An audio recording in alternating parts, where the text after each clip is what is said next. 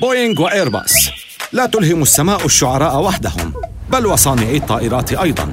لكنه هنا إلهام محفوف بالمخاطر مع انهيار الحلم الأوروبي بطائرات نفاثة آمنة تحلق الطائرات الأمريكية في السماء أكثر.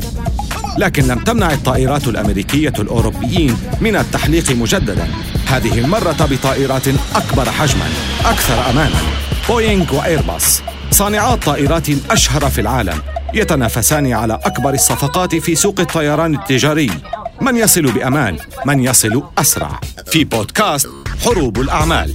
من الجزيرة بودكاست بالتعاون مع Wondery الآن على منصات جوجل بودكاست وآبل بودكاست وساوند كلاود.